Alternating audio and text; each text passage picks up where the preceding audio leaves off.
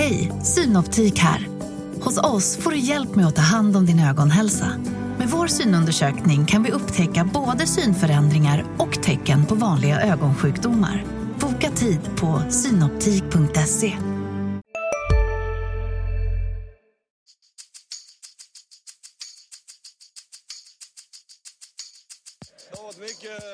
mycket snack om det här inhoppet. Det är svårt att förbereda sig. Va? Så att, eh, det är mycket känslor som väller över.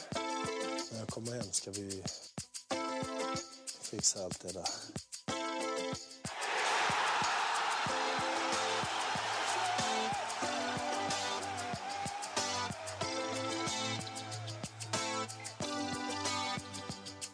Välkomna tillbaka till MFF-podden. Det här är avsnitt 94, dagen efter vad som måste beskrivas som en väldigt bra fotbollsmatch på Swedbank Stadion.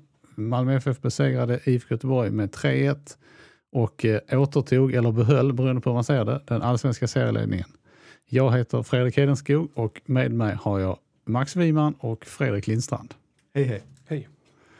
Eh, Max, du som eh, tillbringade matchen i eh, liveflödets förlovade land. Ja, det var inte så förlovat igår kan jag säga. Hur, eh, Det var som att sitta fast i gyttja och försöka ut- få ut någonting. Men, ja. för, vad, hur menar du då? Det var så att uh, ungefär samtidigt som MFF gjorde 2-1 uh, så tyckte min dator att det var dags att lugna ner sig och producera ut ungefär uh, två tecken i minuten.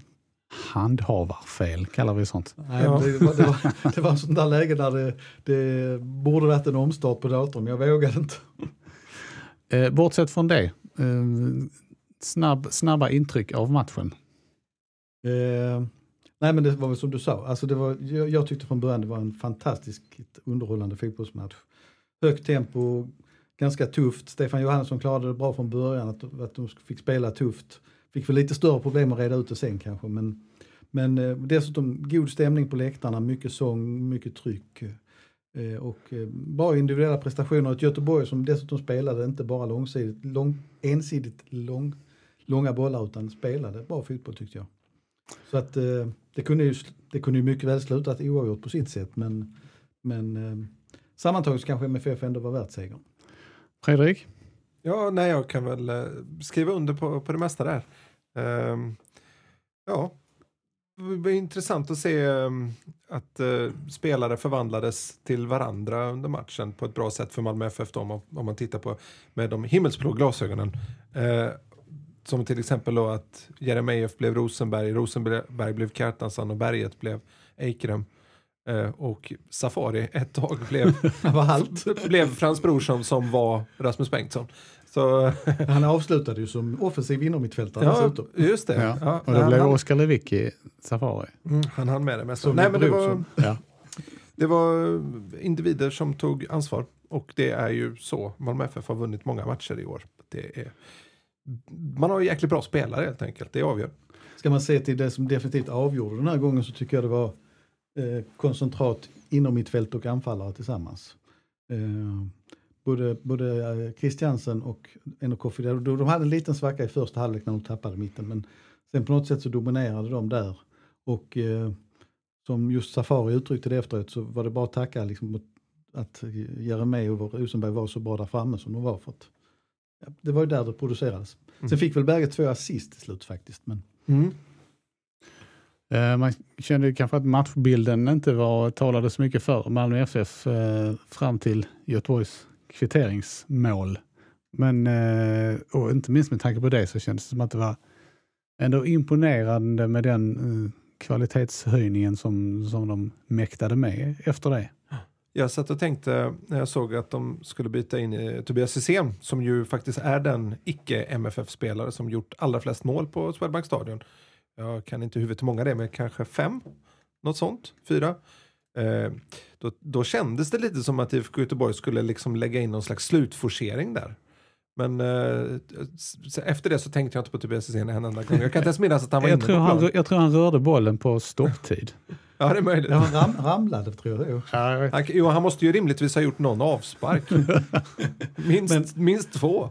Men det är väl som du säger Fredrik, där, att, för jag hade ju samma känsla då och tänkte MFF har liksom ingenting att kasta in från bänken. Och jag trodde faktiskt inte att Jeremejeff och Rosenberg skulle orka lyfta i det läget igen på något sätt. Men det var sista, sista det, var, kraftansträngningen. det, det var ju lite humor att två målskyttar sitter med kramp för att de har sträckt på benen så långt efter bollen så de kunde inte resa sig.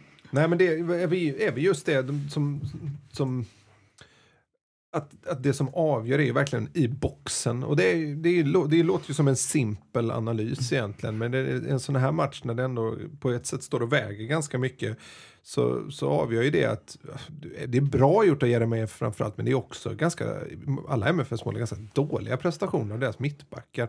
Som, eh, med tanke på att de är lite så vad ska vi, snällt uttryckt, lite tunga i benen i vändningarna, både Rogner och, och Bjärsmyr. Och, Stabbiga skulle jag ja, vilja säga. det skulle man, absolut, det var du som sa.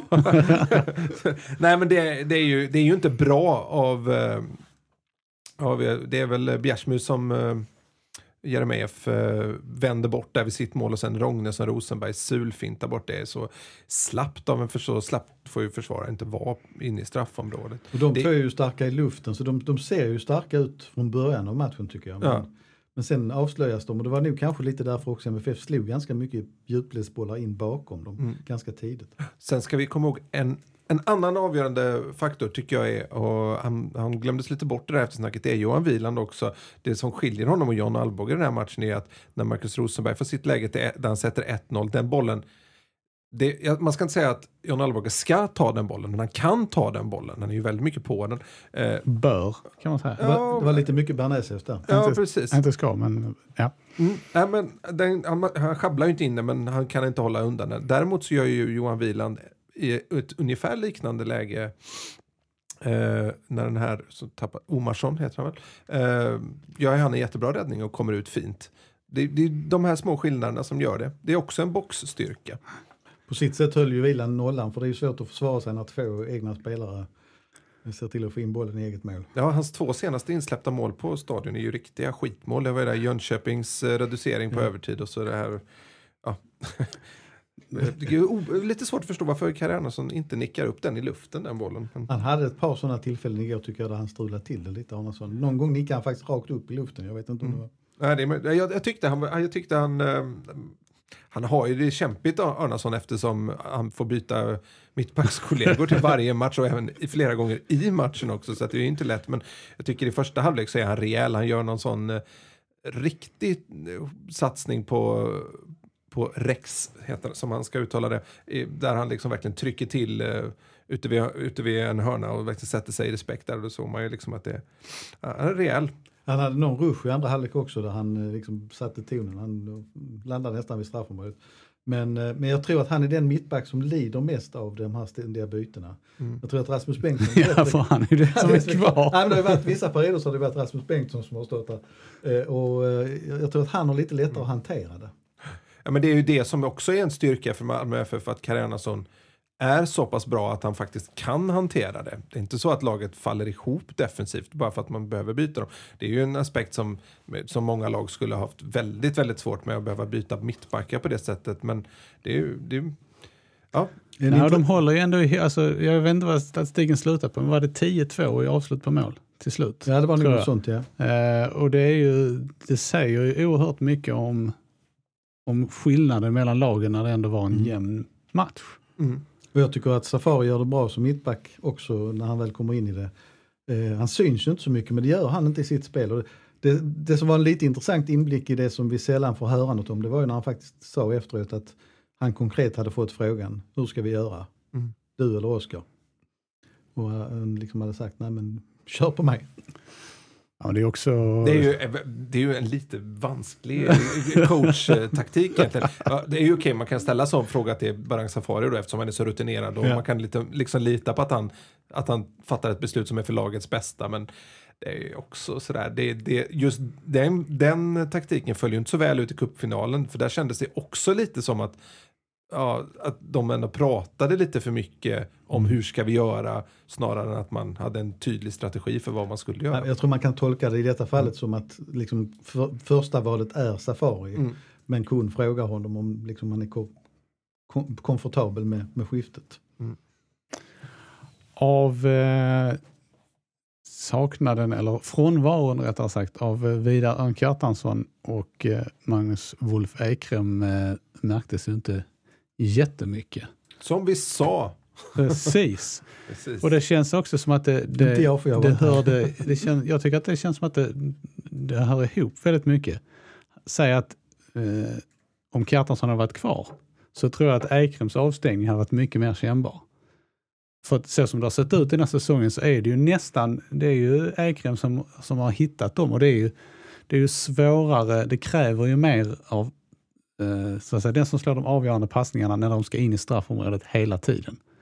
Nu fick de ju, fick ju de ju ett annat spel eh, och därmed så blev inte mm, liksom den yttersta, yttersta spetskompetensen lika nödvändig.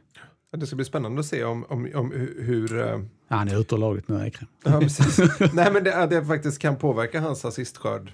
Eh, att Kjartansson inte är där, det borde ju rimligen vara så. Jag, jag tror att eh, kommer att fortsätta producera assist och att eh, i längden hade avsaknad av honom varit mycket värre än Kjartansson. Eh, och jag, tror, jag tror att han kommer att hitta de andra gubbarna rätt väl. Och eh, ingen kritik så, men det, Erdal Rakip tillför ju inte den typen av spel. Det, det, det, du tappar lite den kanten i passningsspelet igår, tycker jag. Eh, när vi då är inne på det offensiva spelet så känns det ju som att eh, den här första eh, hela matchen, eller nästan hela matchen med Rosenberg och Jeremejeff på topp eh, tarvar en lite djupare analys. Eh, Fredrik, om jag börjar med dig.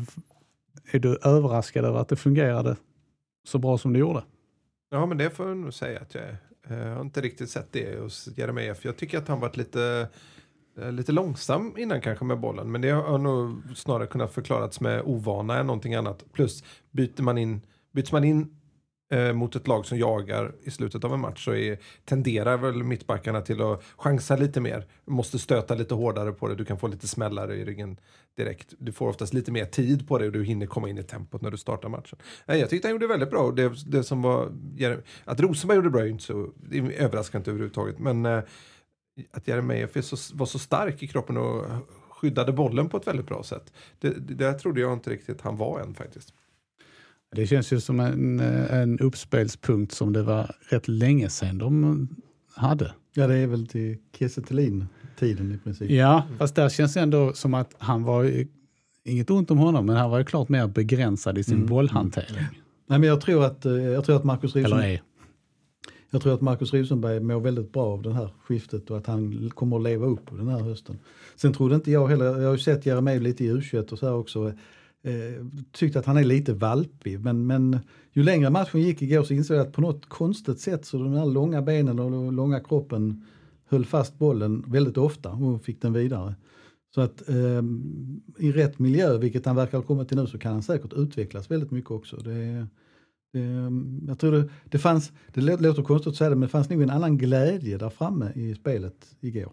Faktiskt. Sen, sen så tycker jag inte att de hade så, även om, ehm, om man vill ju gärna säg, göra det här Kiese Rosenberg-liknelsen. Eh, eh, men jag tycker ändå inte att de hade så himla utstuderat olika roller, Rosenberg och, och Jeremejeff. Inte, inte, det var liksom inte så, jag tycker snarare det var större skillnad i rollerna på, på Rosenberg och Kjartansson. Där var det så tydligt att Kjartansson inte, eh, inte var involverad i spelet överhuvudtaget långa stunder. Det, det var inte så att Rosenberg försvann ur matchen på något sätt utan han var ju nere på egen planhalva och, och vann närkamper och sådär så att han kan fortfarande spela ganska mycket av sitt spel. Jag tror att han blir, blir bra av att vara involverad. Eh, det är möjligt att han var en annan typ av spelare förut som kunde försvinna ur matchbilden och så men nu, nu verkar han bli bättre av att få vara aktiv. Och det har han nog varit under hela tiden han har varit tillbaka i MFF, men han var nog annorlunda när han åkte ut i Europa kanske.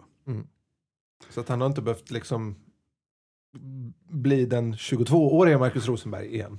Sen, sen där, det där MFF, en övergång som oerhört få klarar av.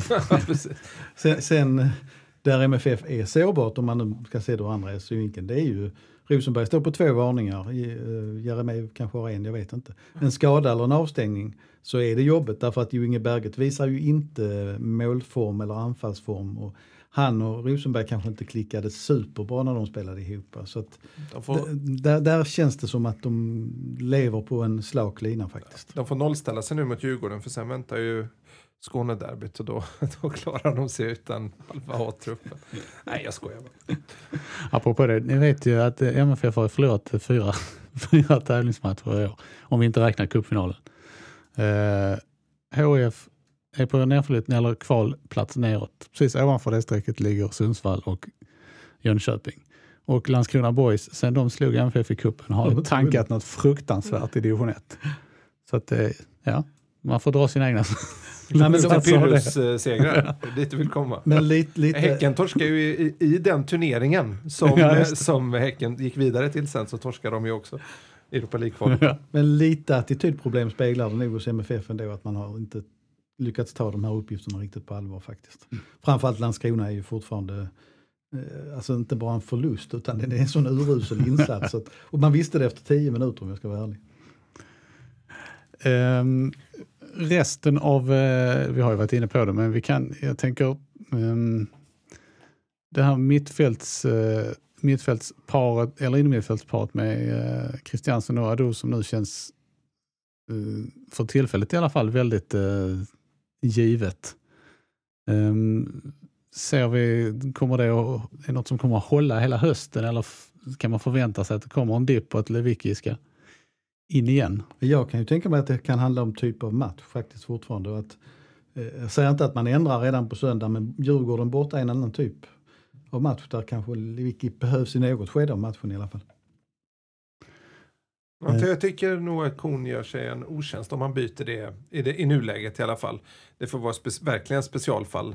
För jag tycker att de har hittat någonting och jag tycker man har sett lite tydligare linjer i, i Malmö de två senaste matcherna då framförallt eh, Jönköping och, och till viss del Blåvitt. Eh, liksom, lite, vågar man inte dra, vågar inte dra för stora växlar av den här segern. Den är imponerande av spetskompetensen återigen. Men eh, det, jag tycker fortfarande 2014 när Åge Hareide tog över så såg man så tydligt hans idéer och man såg så tydlig spelidé i allting. Och att det var liksom snarare kollektivet än, än någonting annat många gånger som vann matcherna. Nu är det fortfarande lite så att jag jag tycker till exempel att Norrköping är lite tydligare i hur de spelar och de, de har ju verkligen tappat ty- tyngre pjäser än MFF över, över flera matcher, eh, över, fler, över längre tid och gjort det jättebra.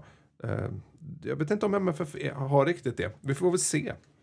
Jag, jag tycker inte heller att MFF ska byta men jag tror att man kommer att tänka lite annorlunda i matcherna framöver kanske. Mm. Eh, för det är ju så, dels tycker jag att, att eh, Ado och AC, AC fungerar väldigt väl tillsammans men Oskar har ju haft eh, kämpat med formen helt enkelt. Det, det var ju ingen tillfällighet att han inte fick spela i landslaget heller naturligtvis. Så det, det, Nej, och det finns ju, det är klart att de har olika kvaliteter. Det, man, det som känns väldigt tydligt är att eh, deras possession-spelet får en helt annan trygghet. Eller de kan använda det på ett annat sätt. Ja, men AC, har ju när- fa- AC har ju farten naturligt och Ado kan sätta fart på bollen så att det, det är ju definitivt så. Sen tycker jag att de tappar, som sagt kantspel, eh, eller eh, Ekrem är ju inte utpräglad kantspelare men de tappar mycket offensiv kraft när han inte är med där definitivt. Och Berget är väldigt ojämn för närvarande faktiskt. Han trasslar in sig själv i lite för svåra situationer tycker jag. Ja, Jag, ty- jag tyckte inte att han var så speciellt lyckad i den här matchen. Men han gör ju, sen gör han ju två avgörande insatser då som leder till, till målen. Men dessförinnan så, nej, det kändes som att yttermittfält, båda yttermittfältsplatserna. Jag, jag, jag satt och tänkte att eh, Jotun och Sana skulle kanske behövts här. Men eh, Sana är ju väldigt ute i kylan känns det som. Jag, jag, jag tror att i fallet Sana handlade i den här matchen nog väldigt mycket om att han inte är tillräckligt defensivt stark faktiskt. Mm. Att man inte vågade för att Göteborg var så pass farliga.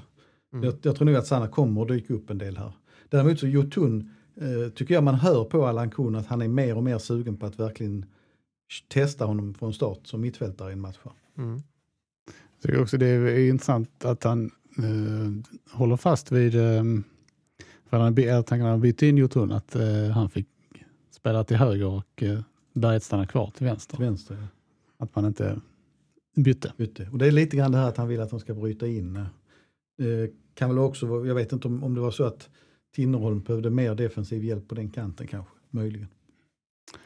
Men det, kan, ja, förlåt. ja, nej, men det kanske är min efterhandskonstruktion apropå spellinjen. Men det känd, kändes som att 2014 att det var mindre nervigt under matcherna i slutet av matcherna. Nu är det ganska många Alltså, jag skrev det igår att jag tyckte att det var spelmässigt relativt jämnt. Det var det många som absolut inte höll med. Men eh, hur man nu kan tycka att det inte var ganska jämnt. Alltså det, det, stod, det stod ju trots allt 1-1 när det var en kvart kvar. Så det är väl kanske en definition av att det...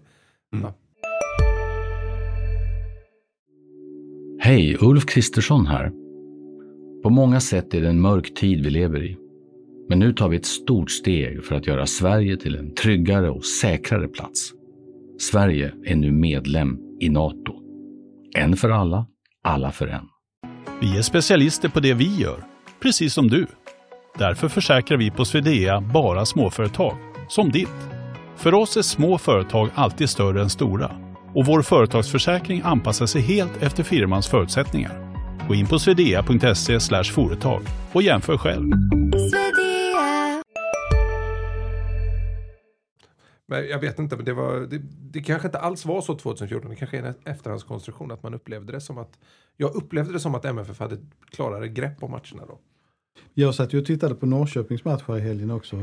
Ehm, får ju just den här känslan av att de, jag ska inte säga osårbara, men nästintill. Alltså att de har kunnat skifta så pass mycket spelare och ändå bara lira på, väldigt trygga. De kändes, nu leder de så stort, men de kändes verkligen aldrig stressade.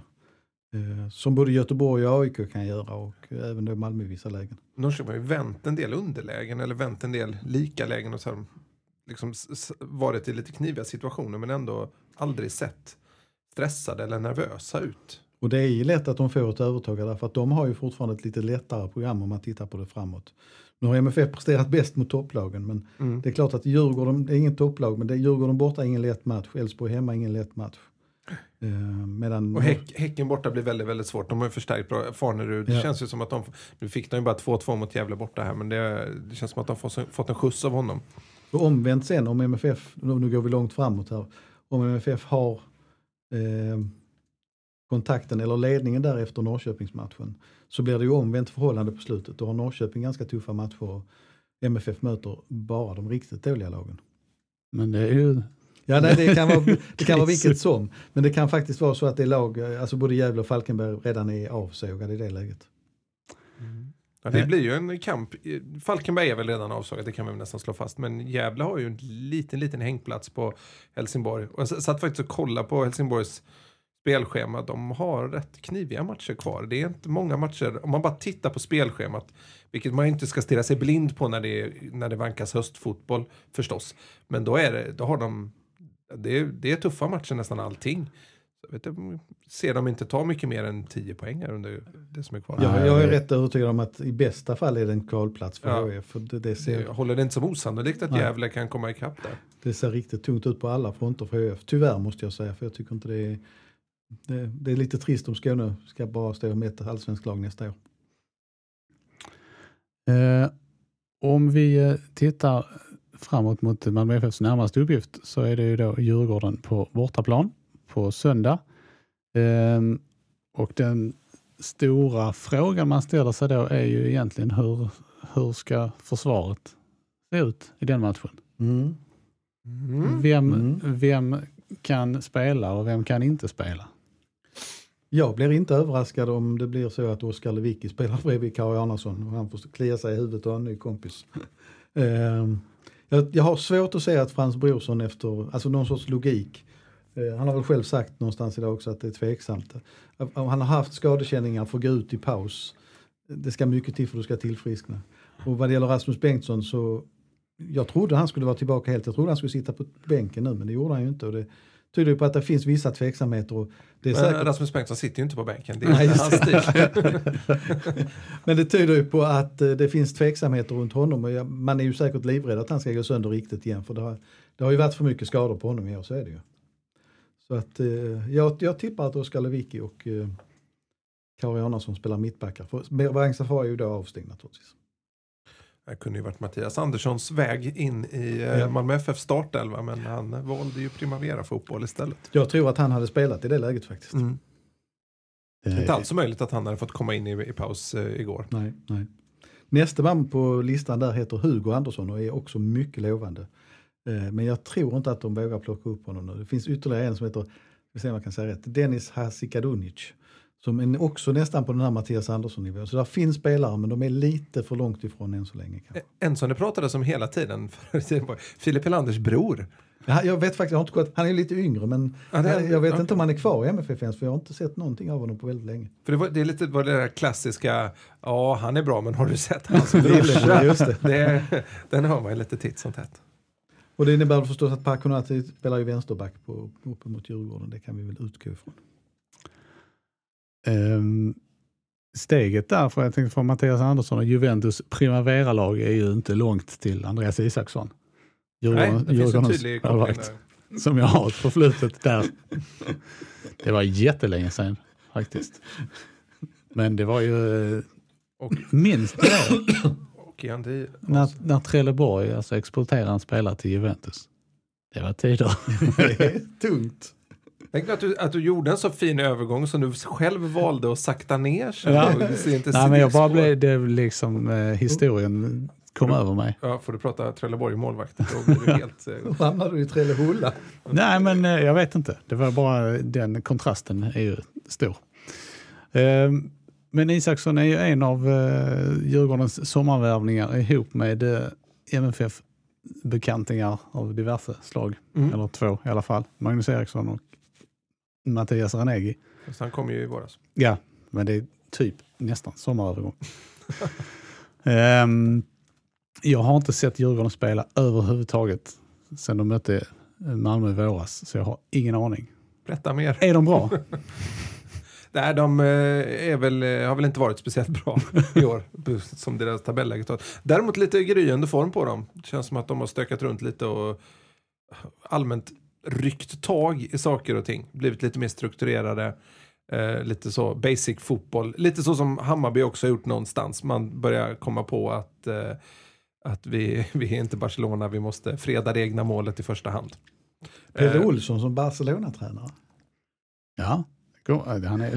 ja, det Ja, det, kände, kändes som Pelle Olsson tappade lite grepp där under våren. Och Mm. Jag vet inte om han försökte göra något som inte han kunde. Men det var ju väldigt konstiga turer eftersom de samtidigt förlängde hans kontrakt och sen sparkade honom bara kort därefter. Mm.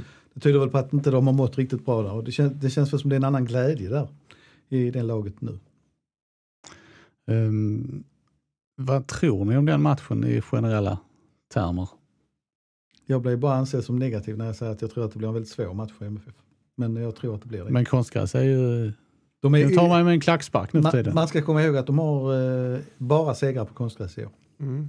Men spännande att resonera där. Det blir ju eh, tre matcher på åtta dagar. Eh, vilket ju inte är vansinnigt uppseendeväckande men det blir ändå ganska mycket. Jag vet inte om man hur, hur man väljer att liksom, det är ju klart att Rosenberg startar till exempel. Hur länge spelar han och kör man in i kaklet om det står 0-0 eller hur, lite hur man resonerar under matcherna och sådär. Det är ju viktiga matcher som kommer framöver. Jag, jag, jag tror inte de vågar rotera mer efter, eh, alltså Mm. medveten rotering på det sättet efter Landskrona debaclet faktiskt. Ja, dessutom, man behöver kanske inte rotera riktigt så mycket. Ja, man behöver inte rotera ut hela mittfältet på en gång. Det, nej, den, eh, det är kanske en lärdom som de har med sig. Men det skulle ju kunna vara läge nu, nu får du in Ekrem igen och kanske prova Jotun och vila Berget lite grann och ha honom som möjlig inhoppare istället mm. för, eh, för Rosenberg eller Jeremejeff då. Som, man ska komma ihåg att Jeremejeff är inte riktigt van vid den här hårda tempot heller. Nej, det var inte så körigt där på bänken i Häcken. nej. Jag tror, att, jag tror att MFF tuffar på där nu. Jag, jag, jag, tror att de vinner med uddamålet. Eh, De har varit, dessutom varit väldigt bra på Tele2 de senaste gångerna de varit där. Eh, och, och konstgräs överlag varit bra på. Det är, väl- de, det är väl raka, fem raka Ja, segrar? fem raka segrar. Ja. Ja. Inte, och sen har du, du kan ju dessutom räkna in att de vann alla konstgräsmatcher i cupen i våras också. Så Mm. de, de har bara vinster. Det måste bli fem, åtta, tio matcher. Mm. Ja, mot Eh. Hammarby senast, eh, det var väl sista matchen innan uppehållet där. Om, om, man, om man bortser från att det var väl typ fyra, fem spelare varav hälften gick sönder på uppvärmningen. Så var det väl en alldeles förträfflig Ja, det var. Molins och Rasmus Bengtsson klev av. Ja, precis. Han inte ens börja. Det är ju en bedrövlig gräsmatta som är en skam, skam för svensk fotboll att den, att den finns i högsta serien. Va, Ja, va, va, vänta, vad kallade du det? Sa han inte gräsmatta? Ja, jo det sa han visserligen. Men skam vi, förstår, Greppan. vi, förstår, vi förstår budskapet. Nej, men det, är- det är väl att, att jag känner en osäkerhet. Det är klart att det här med försvarsstrulet. Nu har ju MFF hållit väldigt stabilt bakåt men, men eh, det, det, hade vi vetat idag exakt hur de kan ställa upp så hade det kanske varit lättare att säga att, att de tar den där 1-0-segern med Rosenberg 74. Känns generellt inte som ett 1-0-lag. Nej, det brukar bli mer. Kanske där. Ehm, Det måste för övrigt vara en väldig massa matcher i rad om vi bortser från den avbrutna Göteborg som MFF har gjort mål i. Va? Mm. ja, vad senaste förlusten var ju mot eh, HF. Och då gjorde de mål. Och de Ja. gjorde mål mot Mot Jönköping. Jönköping och de gjorde mål Sundsvall. mot Sundsvall. Vilka, vilka, vilka oavgjorda matcher har de? En härlig utläggning här nu. Någon som har det i Nej, jag tror inte de har någon nollmål. Kalmar har de kryssat mot och de har kryssat mot Kalmar. eh, Igen. Ja, och så var det väl en Örebro hemma. Eller vann de den? Ja, det gjorde de. 2-1 va? Men det, jag tror faktiskt inte de har någon 0-0-match i årets allsvenska. Har det hänt? Det är någonting för, eh, är ett er, det är för något för er att reda Ja. ut. List, Lindstrands lista. Målfarligaste, mål, Målfarligaste målosnålaste säsongerna. Precis. Ehm, om vi fortsätter att titta på resten av allsvenskan så och Norrköping har ni redan varit inne på.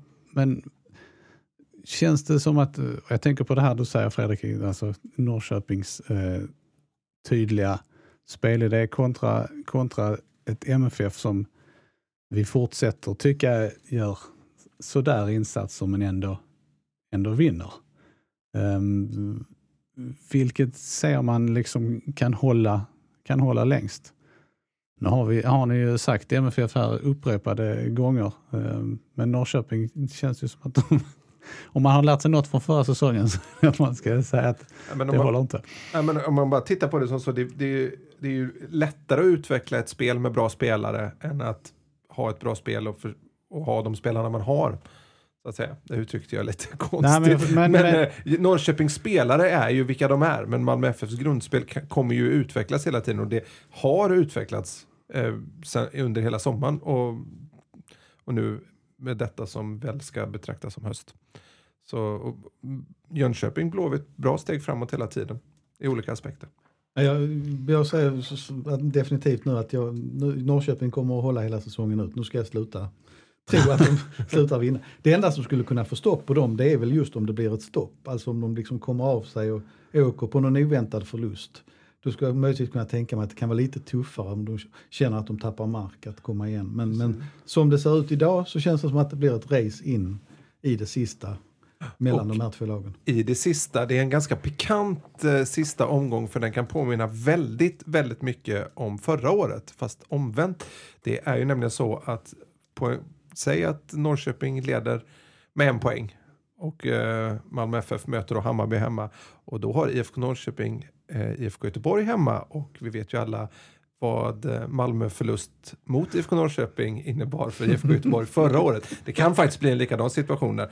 Eh, I Göteborg Trots- har man ju fortfarande inte riktigt eh, hämtat sig från Marcus Rosenbergs röda kort efter fem minuter. Men, eh, de, men Göteborg kommer ju ha kanske en fjärde plats att spela för. Ja, och det, Det, hade är ju morot, FF det är ju förra året också. som heter duga, det vet man ju. Ja, men det var ju precis det som MFF hade att spela för förra året. Så, nej, det kan bli ganska intressant det där. Men eh, bara för att knyta ihop tabellen med någonstans där du började Fredrik med eh, det här att eh, MFF återtog ledning. Det har varit rätt mycket debatt bland supportrarna om det här. Eh, och det var lite grann också hur AIK, att innan MFFs match hade spelats så började man liksom plocka in AIK i toppstriden igen på något sätt. Eh, det, ligger ju faktiskt en viss sanning i det här att låt oss lugna oss till den omgången är spelad. Det, det, det är ju egentligen då man har facit. Sen är det alltid kul att spekulera. Men, men eh, eh, jag, må, jag ger faktiskt MFF-supportrarna rätt, de som klagar i det här att mm, MFF återtog inte en ledning igår. För det, det, kan du inte göra när du ledde när du gick in i spelet. Och det är precis, det är lite, känns som det är lite önsketänkande från tv ibland för att blanda in just AIK. i Jo, men det är klart också. att det ligger i eh, deras intresse att ha en jämn serie. Ja, ja. Det är ju... eh, Den säsongen 2014 är väl eh, det är väl något som, som tv-bolag inte, vill ha. vill ha, Nej, nej. känns det som. Och mardrömmen är väl säsongen 2011 då, då o- om det hade varit i år så skulle allsvenskan vara avgjord nästa vecka. Eh, då när eh, HF vann guldet. Eh, tack vare faktiskt Mal- så tidigt tack vare Malmö som nickade in en kvittering på AIK. Så var det med det. Men, om, om vi, ska vi avsluta med lite tabellkuriosa? Eh, eller avsluta, men vi är inne i någon slags tabell, tabellutläggning här. Så, Den säkrade- den behöver avslutas. Ja, den avslutar jag här med genom att säga att Malmö FF faktiskt säkrade allsvenskt kontrakt igår. seger. Jag såg det på Twitter också, att det var någon som hade räknat ut det. Ja, men det är väldigt skönt att man ändå har ryggen fri. Precis. Så att man kan Fokusera fullt ut på guldstriden. Ja. Ehm, det har varit väldigt lite snack om det, nedflyttningsspöket. Ja, jag blev förvånad när jag slog upp Sydsvenskan i morse och såg att det inte var huvudvinkeln. Ingen vinkel det fanns lite MFF-supportrar som räknade på tabellen där också att eh, hur långt Göteborg har till toppen respektive botten och det var ungefär lika långt. Mm, ja. Eh, Något ska man göra. Skadeglädje är, en, är, är, är den enda sanna lyckan. jag vet inte om ni tänkte på avslutningen eh, igår kväll. Det är ju, det, det, men det är ju lite humor mellan MFF och Göteborg trots allt det där med mästa, mästarna och sånt. Eh, MFF-klacken avslutade inte som de brukade utan de avslutade just med att sjunga om det, Mästa mästarna från Malmö, här är vi. Med väldigt tydlig adress bort mot en frustrerad Göteborgsklack. Ja. Men det svider ju förstås. Det här är ju alltså nionde matchen som de inte lyckas eh, slå Malmö FF på. Det är en tagg förstås. Eh, Efter denna eh, omotiverat långa tabellutvikning så... Det är ju så kul. Ja, det är ju visserligen det. Men nu har vi lite breaking skadeuppdatering här Ja, med Max Wiman. Per Herbertsson är en klippa på många sätt och vis. Han gick ut mellan två operationer och skrev ett sms.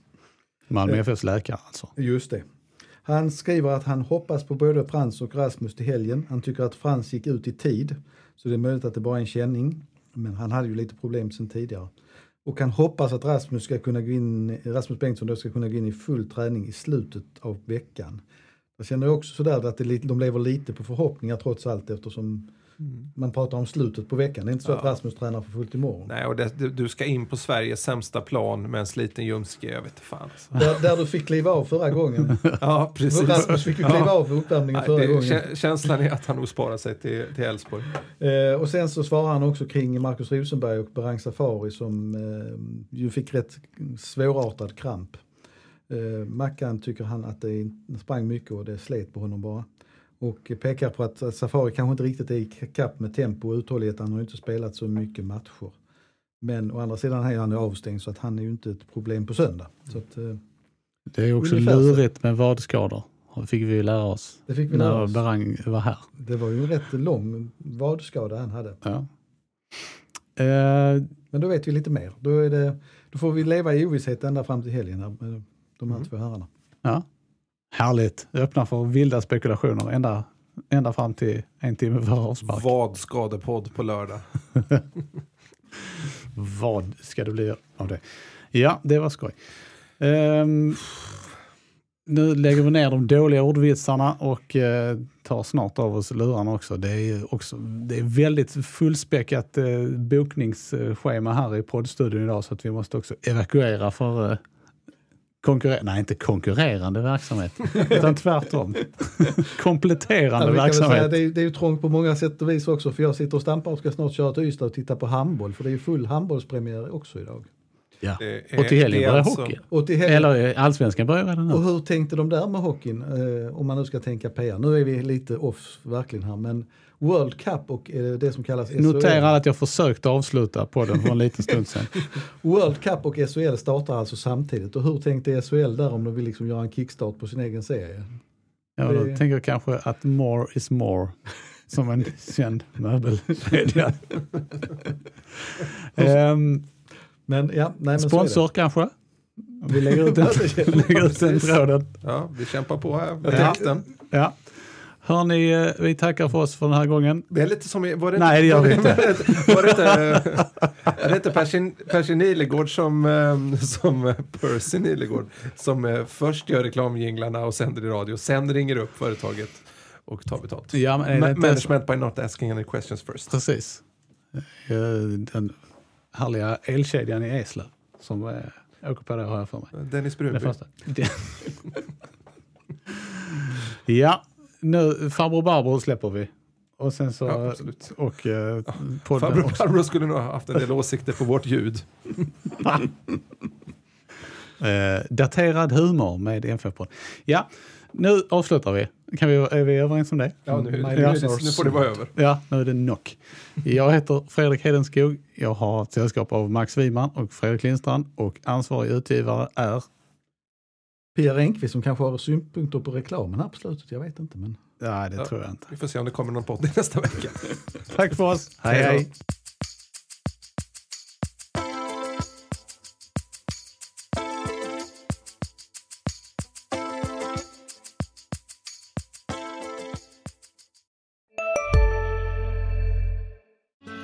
Susanne Axel här. När du gör som jag och listar dig på en av Krys vårdcentraler får du en fast läkarkontakt som kan din sjukdomshistoria. Du får träffa erfarna specialister, tillgång till lättakuten och så kan du chatta med vårdpersonalen. Så gör ditt viktigaste val idag, lista dig hos Kry. Ni är med om det största. Och det största är den minsta. Ni minns de första ögonblicken. Och den där blicken gör er starkare. Så starka att ni är ömtåliga. Men hittar trygghet i Sveriges populäraste barnförsäkring. Trygg Hansa. Trygghet för livet.